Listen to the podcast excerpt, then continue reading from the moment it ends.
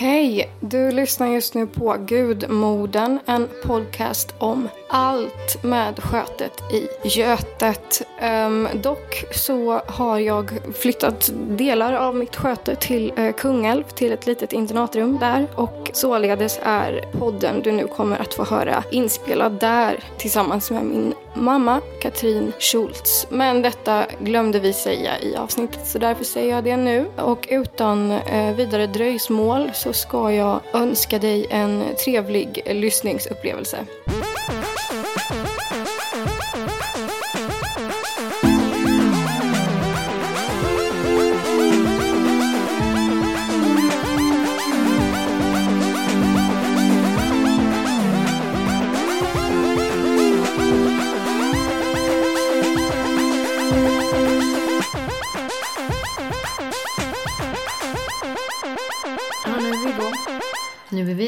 Nu är vi igång. Då gör vi ett andra försök då. Ja. ehm, Vad är det för bild du har där? min bakgrundsbild i telefonen. Du har inga glasögon på dig. Det är jag eh, och Malin. Eh, jag iklädd en French made-kostym från eh, Bodega partybutik.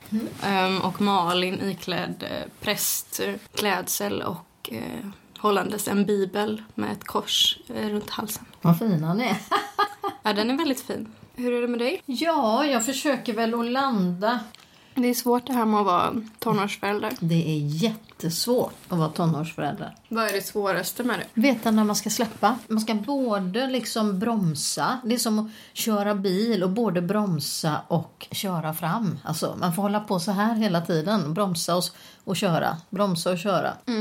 Man måste ju ha koll på så att inte ungarna eh, är ute och super och knarkar och röker och släpper dem. Liksom. Man måste ha den kontrollen liksom. samtidigt som man måste börja förhandla med ungdomen och måste liksom släppa taget. Och det är ju jättejobbigt. Jag menar, jag börjar ju redan föreställa mig, där sitter han i Slottsskogen och det är mörkt, klockan är halv tio, tio. Jag har inte en jävla aning om vad han gör där. Alltså det är ju fruktansvärt eh, ångestladdat.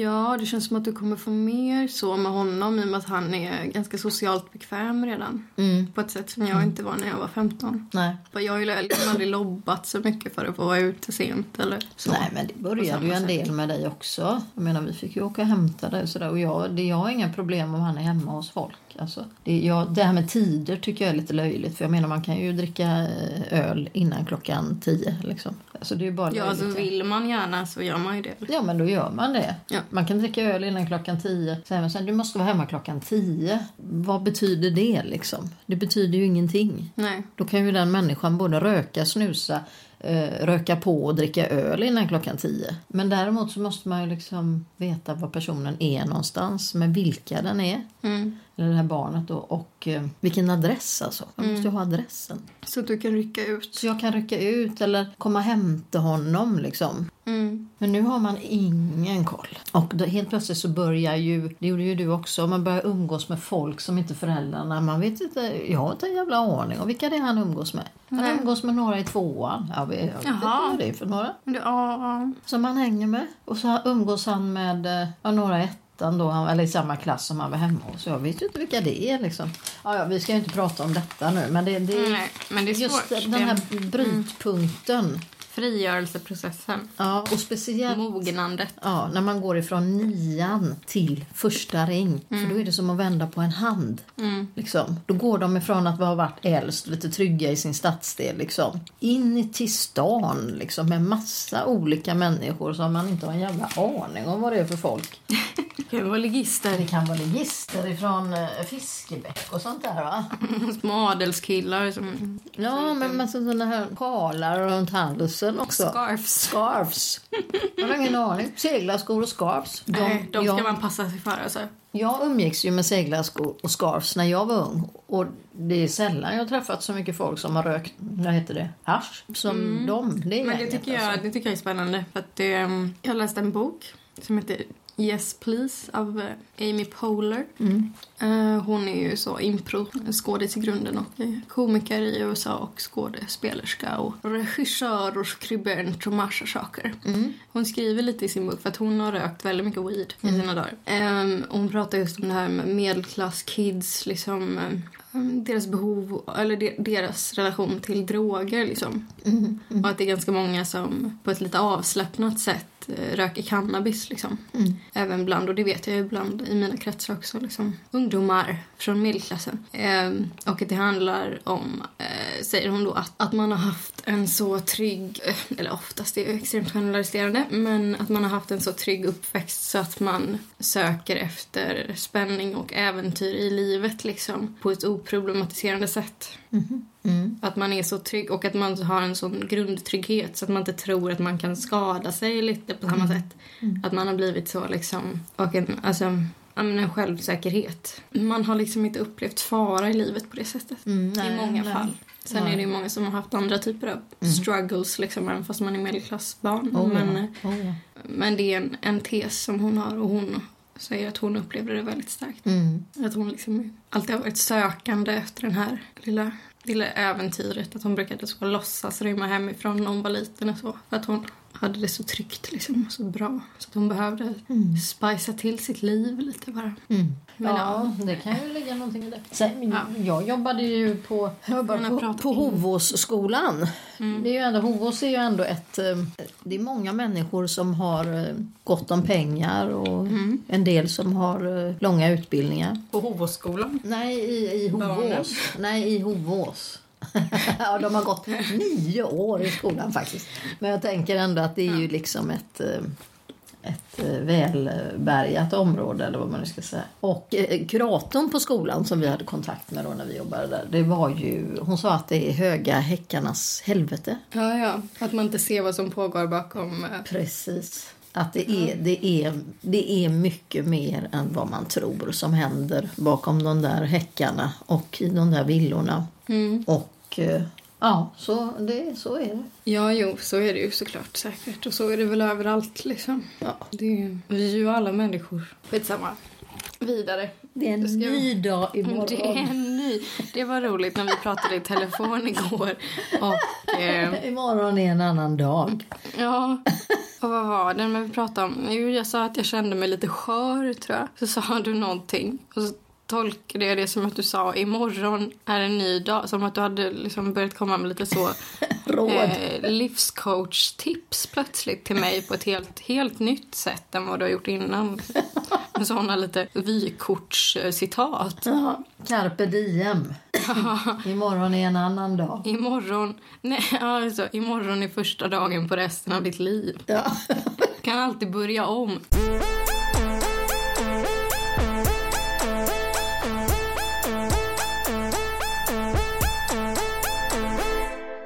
Nästa tema. Nej, men vi ska ju prata om impotens och relationen till, mellan impotens och midsommar. ja, just det. Just det.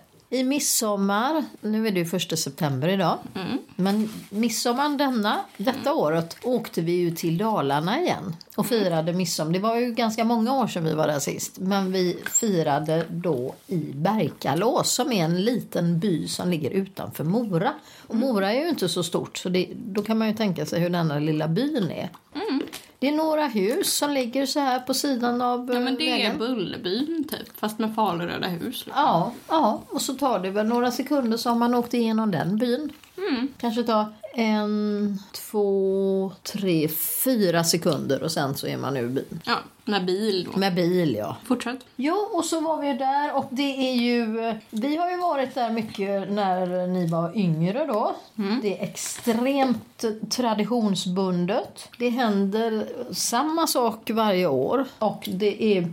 Hela Dalarna är ju väldigt... Sådär, midsommar är ju en av de stora liksom, grejerna i Dalarna egentligen. Då får de ju äntligen frossa i det här så kallat ursvenska liksom. Hur folk har bott där i generationer och, och, och de har klätt stången på samma sätt i generationer. De har bakat bullar som man fikar i generationer. De binder kransar, de hämtar löv. Ja, ja, alltså det, de vet exakt vad det är de ska hålla på med. Och det är ju också könsindelat på många sätt.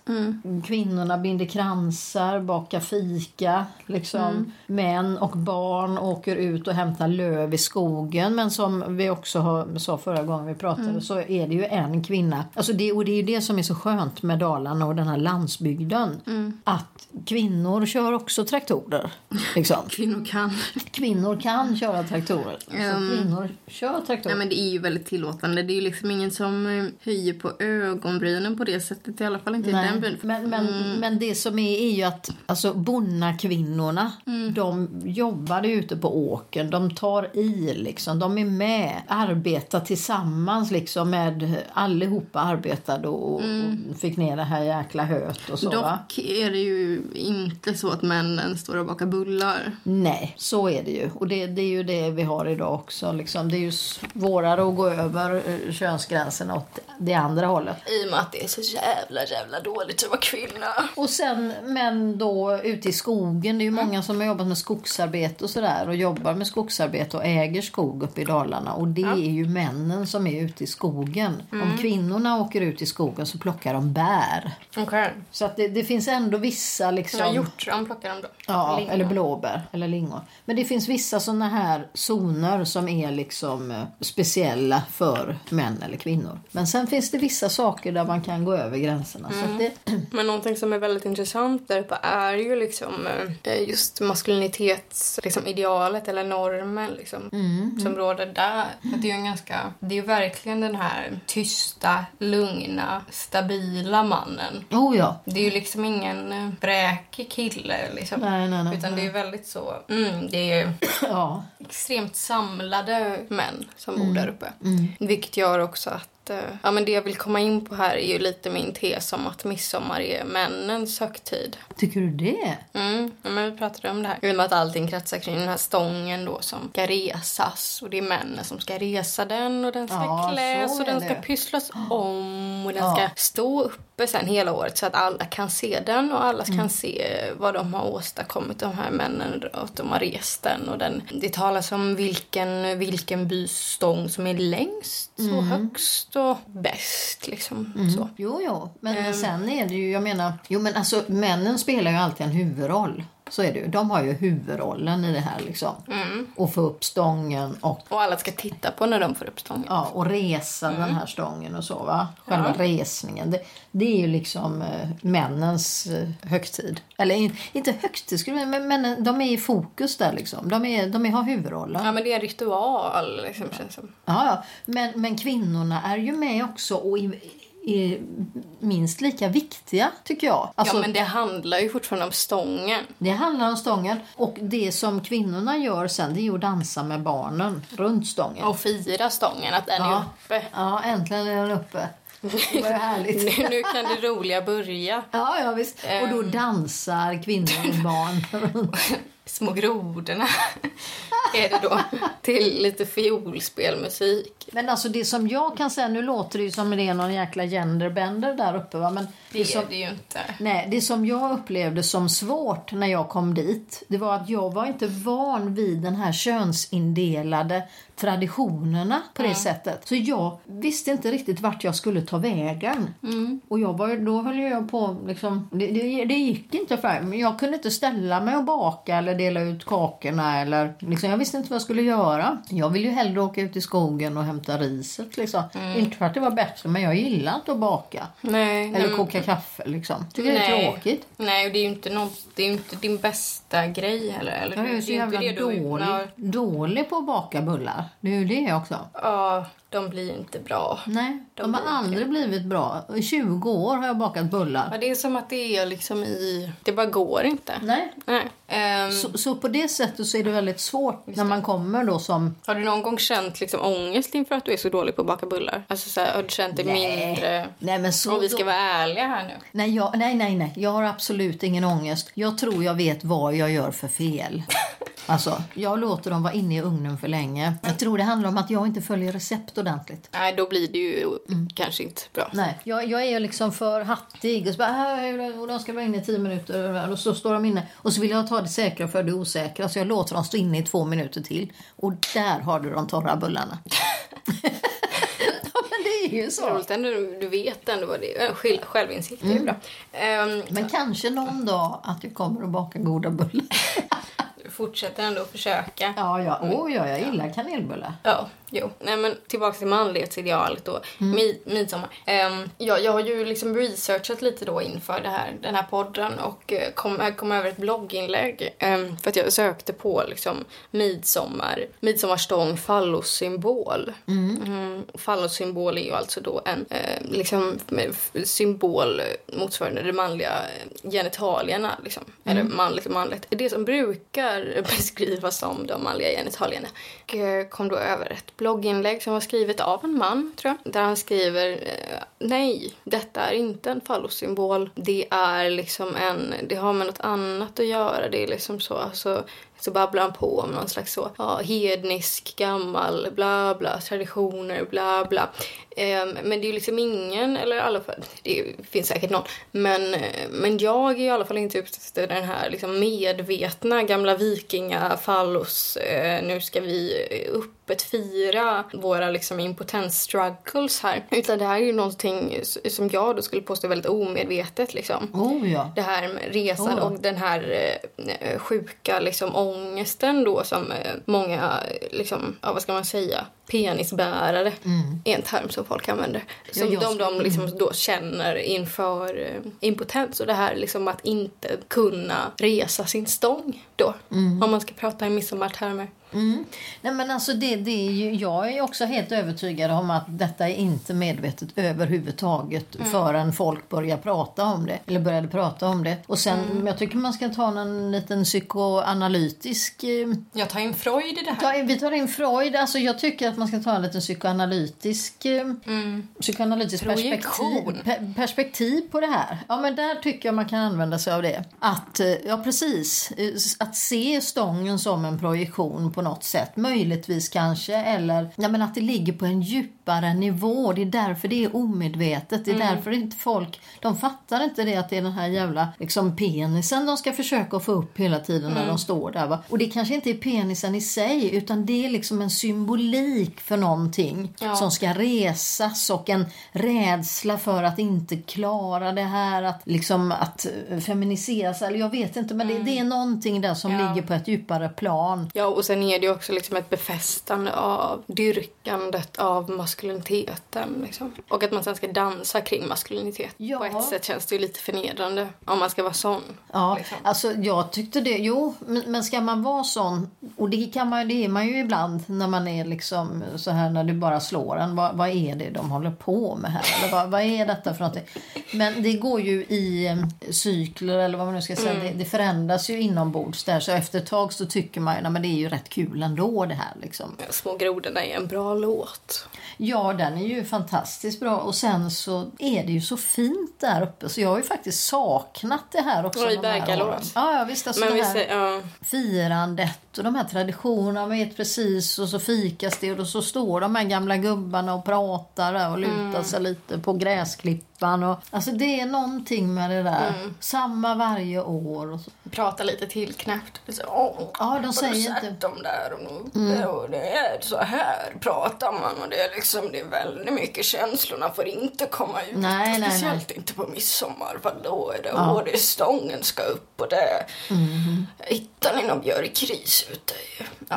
Så Ehm, pratar man väldigt mycket om vädret och sådär va. mm. Men det är ju alltså det som du säger, den här eh, maskulinitetsbilden av mannen på något sätt där uppe som den lugna och trygga och alltså, Ja, vilket jävla sj- sjok att bära. Ja, liksom. så det- det är vilken, Eller om man, om man så vill, vilken eh, traktor att köra. mm, mm, ja det, det Gammal, gammal traktor. en jättegammal traktor Ja. med ett jävla lass där bak va. Ja, Men man kan ju inte säga att kvinnorna också, alltså det, de som vi känt till, det är ju inte såna här, det är ju inte liksom så här Primadonna, drama nej. queens där det är mycket känslor som bara gud nej, nej men flödar, de är ju också, men de är Ja. ja. ja alltså att de ska vara lugna och snälla hela tiden. Ja. Det måste ju vara extremt jobbigt det också. Det är ju ett ideal. Men, men sätt. låt oss nu, eh, som alltid annars, prata mer om männen. Ja, du vill att vi ska fastna där lite? Ja. Mm. I och med att jag, men jag vill ju spinna vidare på det här om impotensångest. Ångest. Liksom. I och med jag... Jag menar att det är det det går ut på, det hela. Ja, ja. Nej, men jag är helt övertygad om det. Det är midsommar från början till slut. Det är, det är säkert också därför det är så mycket alkohol inblandat. Som ångestdämpande liksom. Och att man måste, all det här firandet. Det är liksom något slags så, eh, eh, febrilt eh, försök att liksom överkompensera och lajva lycka liksom. När man egentligen går runt med en sån grundläggande existentiell ångest. Det är min tes. Nu, nu hängde inte jag riktigt med där i slutet. Alltså, för jag, jag vet inte om det är så. Jag tror att det finns en större dynamik i det här med det här firandet. än Du att det tror på bara- Sankte Hans-grejen liksom? Att vi firar Sankte Hans? Nej, nej, men jag, jag tror att... Jag, där är jag lite mer inne på Freud. Alltså jag tror att eh, det finns en större och bredare liksom, dynamik i det här firandet än enbart att eh, impotensångest. Liksom. Okej. Ja, men då, om jag ska förlänga min teori så tänker jag att det är en eh, det är ju inte bara en ångest för att inte kunna så här, rise to the occasion eller vad man säger utan det är också det här eh, att inte kunna vara en eh, välfungerande biologisk varelse och eh, föra vidare sin säd och sina gener. Eh, där kan det också grunda sig. Ja, Liksom. ja. Ehm, men det är någon slags sjuk existentiell ångest. Det är liksom allt jag ser eh, när jag tänker midsommar. Det är allt jag ser eh, ofta tycker jag när jag är bland folk. Sjukt mycket existentiell ångest överallt, inklusive i mig. Liksom. Ehm, mycket, mycket så. Vad är det då? Ångest, då? ångest, ångest, ångest. Ehm, Ångest är min Arvedel. Arv- Vad, vad, vad menar du? Vad- Är det ångest överallt? Ångest? ångest, det är Det är mycket du ångest. Bergman. Det är du Bergman. Det är ångest. Det är ångest. Det är ångest, ångest. Ja, vi har gått runt och imiterat Torsten Flink här hela eftermiddagen. Ja, ångest, ångest, ångest, ångest. Jag delade en, en eh, väldigt bra förklaring om vad ångest är. Ja, men den, den har jag också läst. Den kan jag länka på eh, Facebook-sidan. Ja. Eh, den är väldigt bra, men den ska vi inte prata om nu. För nu ska vi tillbaka till impotensångesten. Ja, ja. Jag har också varit inne på Flashback och um, researchat det här med impotensångest. kom jag in på en tråd där det var någon som skrev um, ungefär så här att eh, det här är fruktansvärt hemskt. Så luras inte av att jag säger det här med en ironisk ton i rösten. För jag tycker nog inte att det här är helt fruktansvärt att det ska behöva vara så här. Speci- alltså Flashback, vilket jävla ställe. Alla, de med mest existentiell ångest hamnar alltid på Flashback, vilket kanske är rimligt för att man söker efter hjälp. Det är liksom anonymt och så vidare. Men då är det då en, en, eh, en människa med penis som har skrivit, eh, eller han har eh, problem med impotens liksom. Och så märker han att när tjejer eller kvinnor då som han dejtar får reda på detta så tar de avstånd. Och det har inte bara hänt en eller två gånger utan kanske tre eller fler gånger liksom. Och så skriver han, tror ni att det beror på detta? Vad ska jag göra åt det här liksom? Och folk är liksom så, så hårda mot den här killen då. Det är någon som skriver liksom, ja, nej men det är väl klart att det är därför. Vad tror du? Det är ju huvudgrejen i en relation liksom. Och så vidare. Vilket är helt sjukt elakt. Ehm, så då tog jag mig friheten att skriva en haiku-dikt om impotens. Ehm, ja, alltså beskri- jag hittade en beskrivning här då eh, av en haiku-dikt på en hemsida om, eh, om sånt. Ehm, och strukturen på en haiku-dikt, eh, det är då en japansk diktform. Tror jag. Första frasen är fem stavelser, andra frasen är sju stavelser och tredje frasen är fem stavelser igen. Ehm, en haiku-dikt är korta dikter som använder sensoriskt språk för att fånga en känsla eller en bild. De är ofta inspirerade av en del av naturen, ett ögonblick av skönhet eller en annan gripande upplevelse. Hemligheten att skriva bra haiku är att vara observant och uppskatta naturen. Punkt. Ehm, så då skrev jag eh, så här, för att jag upplever ändå att det är liksom eh, en gripande upplevelse det här med midsommar och eh, all den här biologiska och existentiella ångesten. Ehm, för det är ju inte liksom ett ögonblick av skönhet, det kan det väl vara också på många, men Flashback-tråden var inte ett ögonblick av skönhet. Så då har jag skrivit så här. I vissen leda, Flashback, er ökens hägring, ni i törst bestå.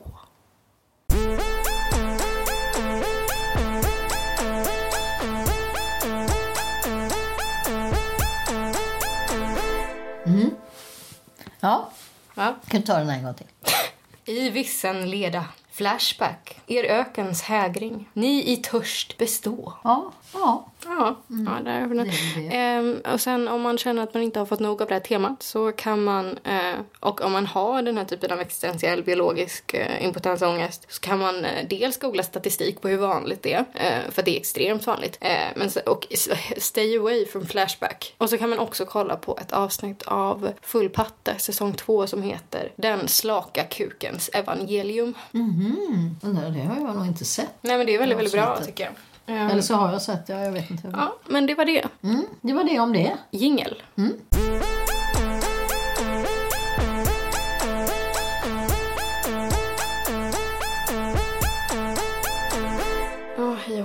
Jag har skrivit en lista på mina värsta läkarupplevelser. Ångest och läkare. ångest, ångest. Ångest och läkarångest. Läkarångest. Nej, men jag, för att det, det är så absurt. Jag kan tänka mig att du också har haft några märkliga läkarupplevelser. Ja, jag har ju haft en jävla sjuk läkarupplevelse. Det var ju läkaren som inte sa att de var tvungna att ta bort min bröstvårta och sätta tillbaka den igen. Så när jag vaknade upp... På ett nytt sätt. När, jag du då jag gjorde, nej men, det, men- du gjorde en rekro- rekonstruerande operation. Ja, jag- Eller du liksom du omdesignade ditt ena bröst för att det andra har blivit omdesignat till följd av bröstcancer. Ja, precis. Och då... ja, Ska jag ta den nu eller? Ja, alltså, fan. Ja, nu fan. skrattar jag ju. Men, Men, det är absurt. Det är ju skratt kändes med gråt som, i halsen. Ja, ja, det kändes ju som ett övergrepp. Mm. Fruktansvärt. Men i vilket så det här är ju väldigt mycket allvar. Mm. Och egentligen skulle jag ringa och eh, klaga men jag sa till läkaren. Sen har jag inte gått vidare med det här. Men i vilket fall som helst. Läkaren var, läkarna är ju stressade va. Det är upp på operation, upp och titta på brösten. Mm. Så, så här och så ritar han med tuschpenna på mina bröst. Du visar, nu, nu när du visar ser det ut som att han gjorde någon slags här expressionistisk skapande konstövning. Liksom. Ja. Men han kommer upp, jag tar upp tröjan, tittar på brösten, han börjar rita med tuschpenna var allting ska sitta och sådär. Stressad då, en stressad läkare, han kom från operation. Ja, ja, ja, ja då, ska jag, hej då, vi ses sen. Och så jag bara, ja, okej. Ingen säger någonting. Och det kanske de tror att liksom man ska förstå att vi måste ta bort bröstvårtan för att man ska förminska bröstet och sen sätta på den igen. Som en klisterlapp. Liksom. Ja, att man ska fatta det. Men det fattar ju inte folk. Jag förstår inte det. Jag har aldrig gjort det här förut. Jag har inte en jävla aning. Eh, Så den här människan säger ju ingenting då. Så, och när, sen när jag vaknar upp liksom efter operationen och jag får ta bort eh, förbandet så ser ju jag att min bröstvårta har tagits bort och satts på igen. Liksom. Alltså ett jävla klistermärke bara. Ja, där ska det sitta. Och att de har gjort det lite efter vad de tycker det ska se ut som. Det är det som är det sjuka här. De liksom. har en mall, ja. Och den här mallen är ju för en typ från en 20-årig eh, tjej liksom. Det är ju mallen då. Ja, i vilket fall som helst. Så jag kände ju bara, vad i helvete? Här har de tagit bort min kroppsdel och bara på med den igen. Där ska den sitta. Och så utan att säga det till mig liksom. Ja, det är ju för jävligt. Så jag sa ju det till läkaren sen då. Egentligen hade jag ju tänkt anmäla eller gå vidare med det. Jag Ja. vet inte. Ja men det är ju jättekonstigt, det måste man ju säga. De måste ju säga det. Ja, Men att för- det kommer se annorlunda ut liksom. Ja, och det är så här vi måste göra för de måste ju göra det. Ja. Det går ju inte annars. Nej. Ja, men man vill ju ha lite information. Så det var väl min konstigaste läkarupplevelse. Så- Jag har ju en annan också. Men nu är det ju väldigt mycket så bröstcancer. Men, men det är ju de konstigaste grejerna. När jag kommer in till läkaren och jag får alltså information om att du har bröstcancer. Och jag säger till honom någonting sånt där. Svamla, är det nu jag ska dö? Nej, du ska inte dö nu. Nu ska vi ta bort det här, säger han. Och det var ju väldigt bra sagt. Ja. Och sen så säger jag någonting. "Ja, Men jag får ångest av det här. Jag, jag, du får nog skriva ut något ångestdämpande för mig. Nej, det hjälper inte. Det, du blir inte fri. Någonting sånt där. Han tog ju inte in det någonting. ja men de gör ju aldrig det. Nej men alltså det, det, man måste ju liksom möta människor och så säga att okej, är det så du skulle behöva det så kan jag skriva ut. Men ta det lugnt, vänta lite liksom. För att det här kommer vi att ordna. Eh, Det var ju det att jag visste ju, alltså man vet ju inte vad som händer. Nej. Men, men det var ett väldigt märkligt bemötande Ja. tyckte jag. Ja. Alltså, och, och det är ju det att läkare som har med det, alltså som är experter på det fysiska, de ser ju bara kroppen och kroppsdelarna liksom. De får aldrig ihop eh, psyket med det. För Nej. då har vi en annan läkare som kollar psyket liksom. Ja, och den lyssnar de ju inte på heller. Eller jag har också varit med om det ju. När jag, jag tror att du var med när jag var hos den läkaren. Och det är ändå en ganska bra läkare jag har varit hos. Men det är en underläkare på en vårdcentral. När jag kom dit och sökte för depression tror jag. Och man får göra något sånt där korsord på 20 frågor. Eh, där man får fylla i typ. Eh, har du eh, skadat dig själv? Har du självmordstankar? Har du det här? Har du det här? Har du det här? Hatar du dig själv? Eh, bla bla. Ehm, jag fyllde i detta. Eller jag sökte för sömnsvårigheter. Så var det. Och så fick jag fylla i ett depressionstest. Ehm, och så kollade han på det. För då hade jag också börjat gå en psykolog. Hos min, den psykologen jag har gått hos nu. Som är väldigt bra. Och hon, hon var ju liksom...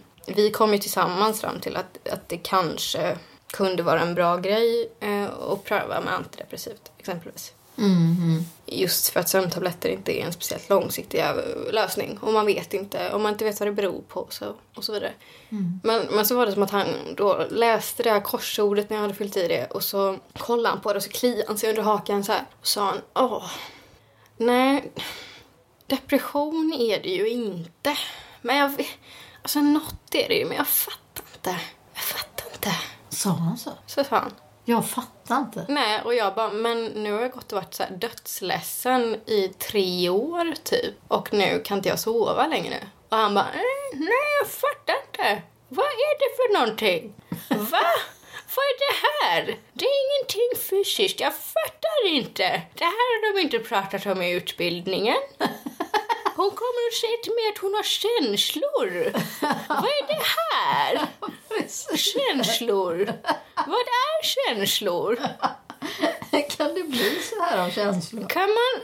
Nej. Nej, depression har du inte. Och jag bara, men eh, min psykolog och jag har ju kommit fram till att jag har det. Och han bara, nej. Nej, men psykologer de, de kan inte sånt här. Man kan inget om medicin. Nej, nej, nej. Eh, Jag bara, men ja, okej. Det, det var en av mina läkarupplevelser. Sen har vi också en från lite längre tillbaks, kanske ett halvår innan det, när jag gick hos en kurator på ungdomsmottagningen. Och så fick man se- sitta och fylla i en sån uppskattningsskala liksom, skala om honom varje besök medan han satt och tittade på en. Om honom? Ja, att han bara, hur tycker du att jag är som kurator? tycker du att jag är inte förstående? Ett. Väldigt förstående. Tio. Så fick jag sitta och fylla i på den. Det var väldigt absurt här. Eh, Men han säger i vilket fall till mig när vi ska avsluta så säger han så här, "Ah, ja men ungdomsmottagningen finns ju alltid kvar och så, du kan alltid höra av dig. Och jag bara, mm, alltså jag kan ju inte sova längre. Är det någonting jag borde liksom tänka på? Och han bara, mm, Ja, nej, men vi har ju en mindfulnessgrupp här på ungdomsmottagningen. Ja, men den är ju tyvärr full nu. Och så sa han Tack och hej. jag bara, jaha. Fy fan! Det är inte Jättemärkligt, jätte, jättemärkligt. Um, så det var ju en... De är dumma mot min lilla. Ja, men de är...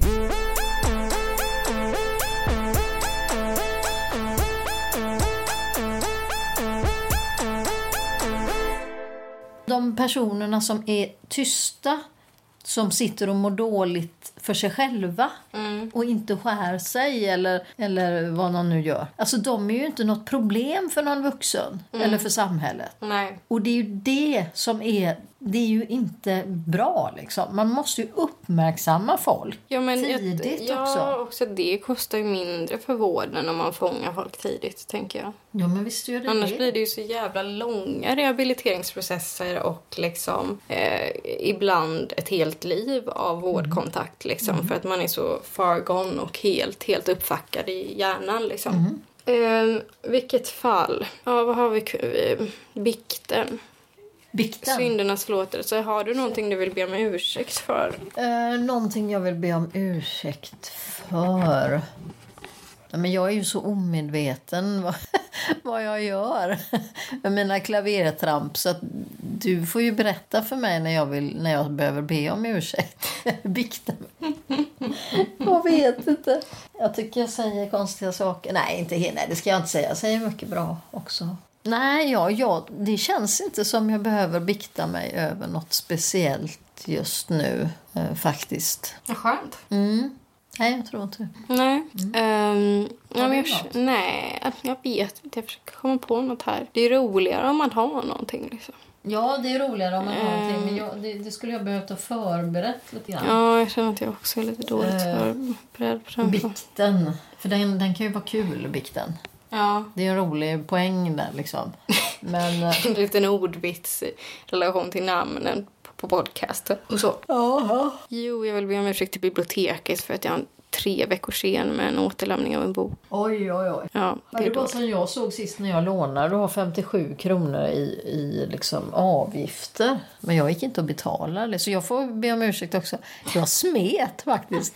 Men du 57 lämnade tillbaks boken? Jag lämnade tillbaka böckerna och så står det har 57 kronor i avgift. Och så bara, nej jag skiter i det. Jag får betala någon annan gång.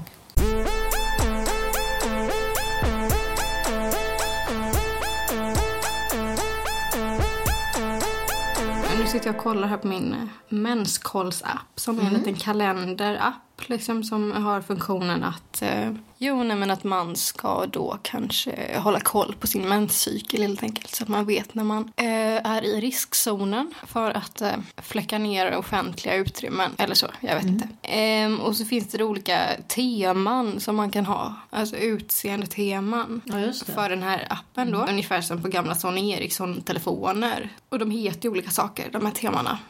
Och då tänkte jag att du kanske kunde få hjälpa mig att välja tema. Ja. För att jag är ju Det gör inne i en jag sån, jag har liksom börjat på en ny skola nu och helt så lost and confused. Så att jag vet ju inte riktigt vem jag är längre. Nej, nej. Så då tänker jag att du kanske kan få tala om det för mig. Ehm, Vem är jag? ehm, ja, just det.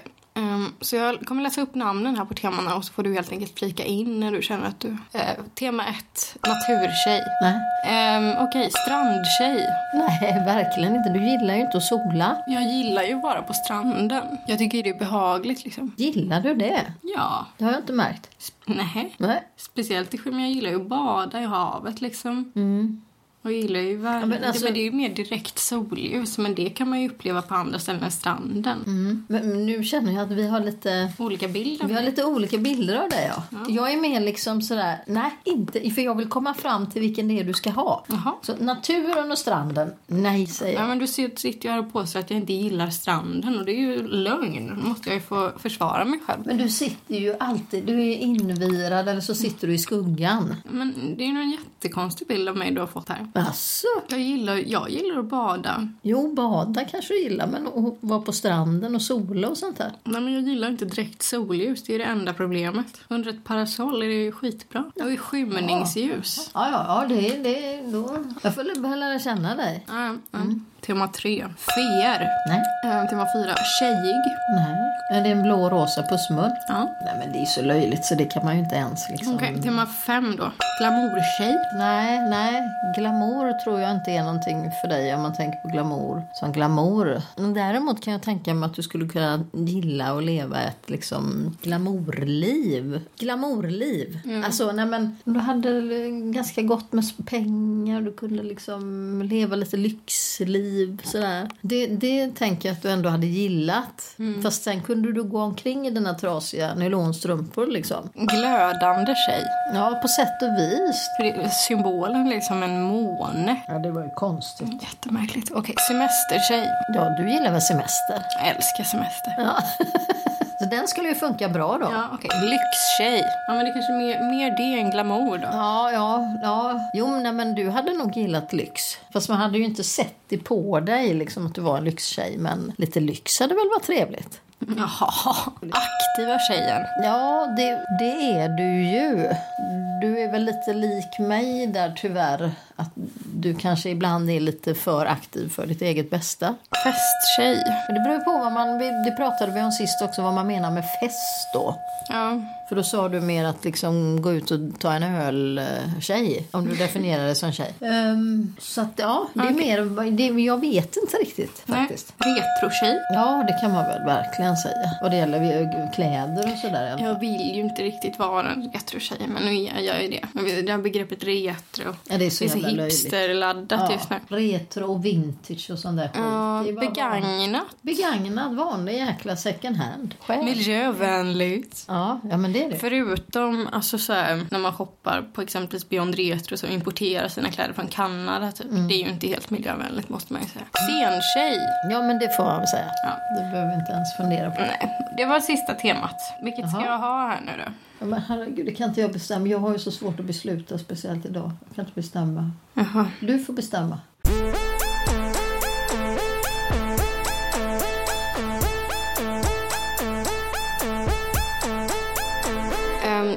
Också mm, passa på att eh, be om lite hjälp faktiskt. Ehm, eh, inte av dig. Nej, nej, Utan, eh, nej, men eh, faktiskt för att eh, jag har räknat ut att eh, om alla som lyssnade på den här podden eh, swishade mig kanske en till två kronor för varje lyssnat avsnitt så hade jag kunnat betala Soundcloud-avgiften varje månad för de pengarna. Eh, och en till två kronor, man får swisha vill om, mer om man vill det. Jag kommer inte swisha tillbaks liksom. Men eh, om, för att det är ändå liksom en, ganska mycket arbete som ligger bakom den här. Alltså jag sitter ju och klipper ganska noggrant liksom. Oftast. Eh, även om det kanske inte låter så. Och eh, visst att det är liksom en hobby jag har. Men eh, det är också CSN life jag lever nu liksom. Nu är mitt liksom space på Soundcloud slut så jag måste uppgradera till Soundcloud alltså nästa nivå och då kostar det 100 spänn i månaden. Okej. Ehm, och det kommer jag ju lägga pengarna, eller jag kommer ju lägga pengar på det liksom. Men det hade underlättat om, om jag kunde få lite, lite, lite betalning Så det du, det du behöver är alltså några kronor. Ja, ehm, ja, Är det 10 kronor eller käckt eller? ja, om man vill swisha 10 kronor så får man det. Men man behöver inte ens swisha så mycket. För att om jag tittar, om jag tittar på liksom, ja men jag kanske har i snitt då, alltså, ja men 100, just nu, runt liksom, runt 100 lyssnare per avsnitt per månad. Och 100 gånger en krona är 100 kronor. Ja. Då är Soundcloud-avgiften betalad. Så om man vill så får man jättegärna swisha mig på 0727 318581. Och vill man ringa och samtala så kan man göra det på samma nummer. Ja, nej men det var det. Det var det, Eh, ja. så det är helt enkelt en sån liten, eh, vad ska vi kalla det? Ni kan skriva någonting i liksom Swish-meddelandet. Någon sån. Jag tänker på något så religiöst anspelande. Vad heter det? Gudmodern. Nej men, jag frågar inte vad min podd heter, det vet jag. Ja, men jag tänker det måste ju stå något. Nej men den här, eh, när man samlar in pengar i kyrkan. Kollekt. Ja, kollekt. En sån bössa liksom. Mm.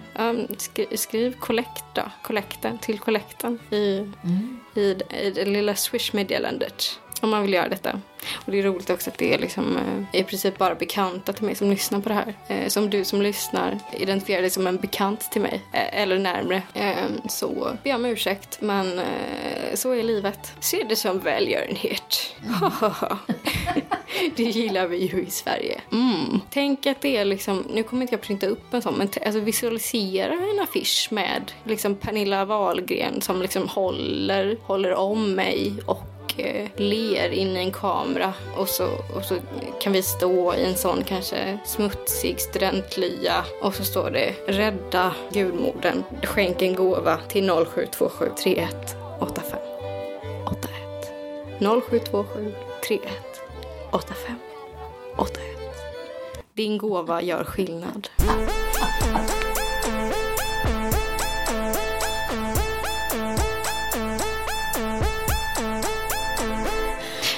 Ja. Ja, nej men det var väl allt jag hade för den här gången tror jag.